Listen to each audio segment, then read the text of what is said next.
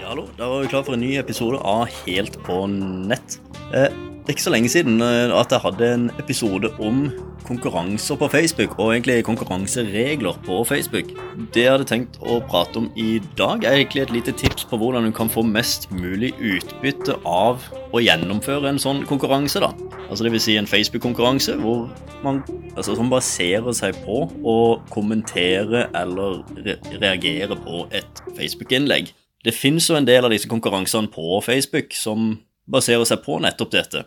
At uh, du må kommentere et eller annet, eller kommentere med din favorittfarge for å være med i trekninga av noe. Det første tipset er jo selvfølgelig du du må følge reglene, og der har jeg en tidligere episode, som nevnt, som, som eh, på en måte har en slags oversikt over konkurransereglene på Facebook, og det er en del du, i hvert fall som, som mange overser. Det er en del regler der som, del, eh, som jeg ser da, at mange overser. Så det kan være et par tips å snappe opp der. Men i dag skal jeg ikke snakke om det.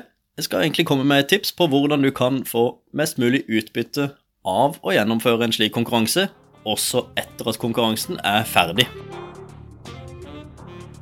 Det er jo sånn at en del slike konkurranser på Facebook fungerer utrolig bra. Man gjennomfører et man, Altså, man fyller inn et innlegg og sier at eh, vi lodder ut eh, gratis et eller annet. Vi lodder ut eh, et eller annet en, til en vinner som har kommentert med sin favorittfarge eller med sin et eller annet i kommentarfeltet under her. Og det er helt supert. Og mange av disse konkurransene får en ganske god effekt. altså vil Si de får en veldig høy rekkevidde i veldig mange tilfeller. At eh, mange kommenterer, det er mange som liker, og så sprer det seg til ganske mange mennesker, og så kårer man en vinner. Og det jeg ser, da, det er jo at det er veldig mange som sier seg fornøyd der. At eh, yes, så fett, vi kjørte en konkurranse, og den fikk 3000 kommentarer. Wow, så gøy. Nå er vi fornøyd, og nå er vi ferdig med den. La oss kjøre en ny konkurranse. Men der har du faktisk et potensial. For jeg vil anbefale å ikke stoppe med akkurat det. For etter at du har kåra en vinner, da har du muligheten til å fortsette strategien. Det du har muligheten til å gjøre, da, det er jo å faktisk bygge et publikum på de som har engasjert seg med din Facebook-side og i din Facebook-side sine poster. Og de som har kommentert på din eh, konkurranse, på ditt innlegg, har jo i utgangspunktet et slags forhold til din merkevare. Og mest sannsynlig også en slags interesse for det produktet du eventuelt lodder ut. Det ville gjort da, etter en sånn konkurranse, det er, og etter at du har eh, kåra en vinner, naturligvis, det er å bygge et publikum på folk som har engasjert seg i din eh, Facebook-side i løpet av de siste syv dager. Altså sånn at vi er innafor perioden som konkurransen har vært. Så om det er syv dager eller 14 dager eller hva det er, det må du finne ut av, men i hvert fall holde det i de nærmeste dagene, altså innafor konkurranse, sånn altså at vi får med engasjementet fra konkurransen, da. Det vi har gjort, er også å eh, bygge et publikum basert på det i Business Manager, og så ville jeg gitt et tilbud på den varen som ble konkurrert om, og annonsert det til dette oppsatte publikummet.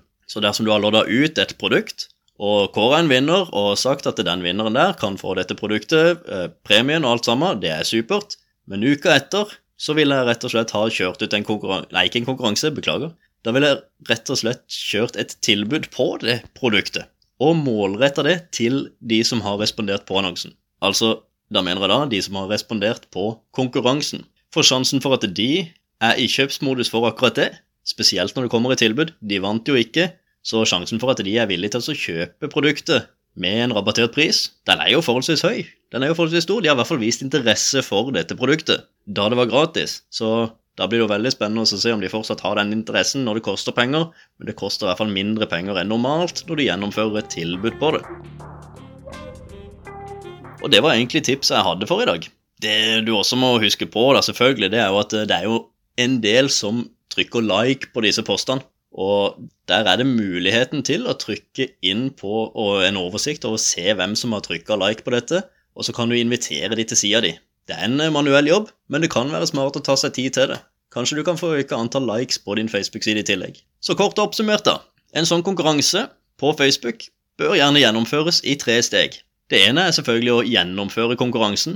Hold denne konkurransen på Facebook oppfordre til kommentarer eller likes.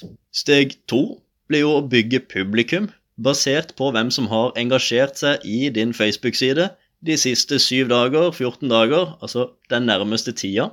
Steg 3. Annonser med tilbud til de som har engasjert seg i Facebook-sida den siste perioden. Og da er jo det også med de som har engasjert seg i din konkurranse, som omhandler akkurat det produktet som du da har, vil gjennomføre et tilbud på. Og helt til sist, da, selvfølgelig, følg reglene. Du står i fare for å bli straffa hvis du ikke følger reglene til Facebook, og da har du muligheten til å miste ganske mange følgere. Så jeg anbefaler også å høre den tidligere episoden som jeg hadde på akkurat det, og jeg legger link til denne episoden i shownotes her. Takk for at du hører på. Så ønsker jeg en videre god dag. Hei, hei.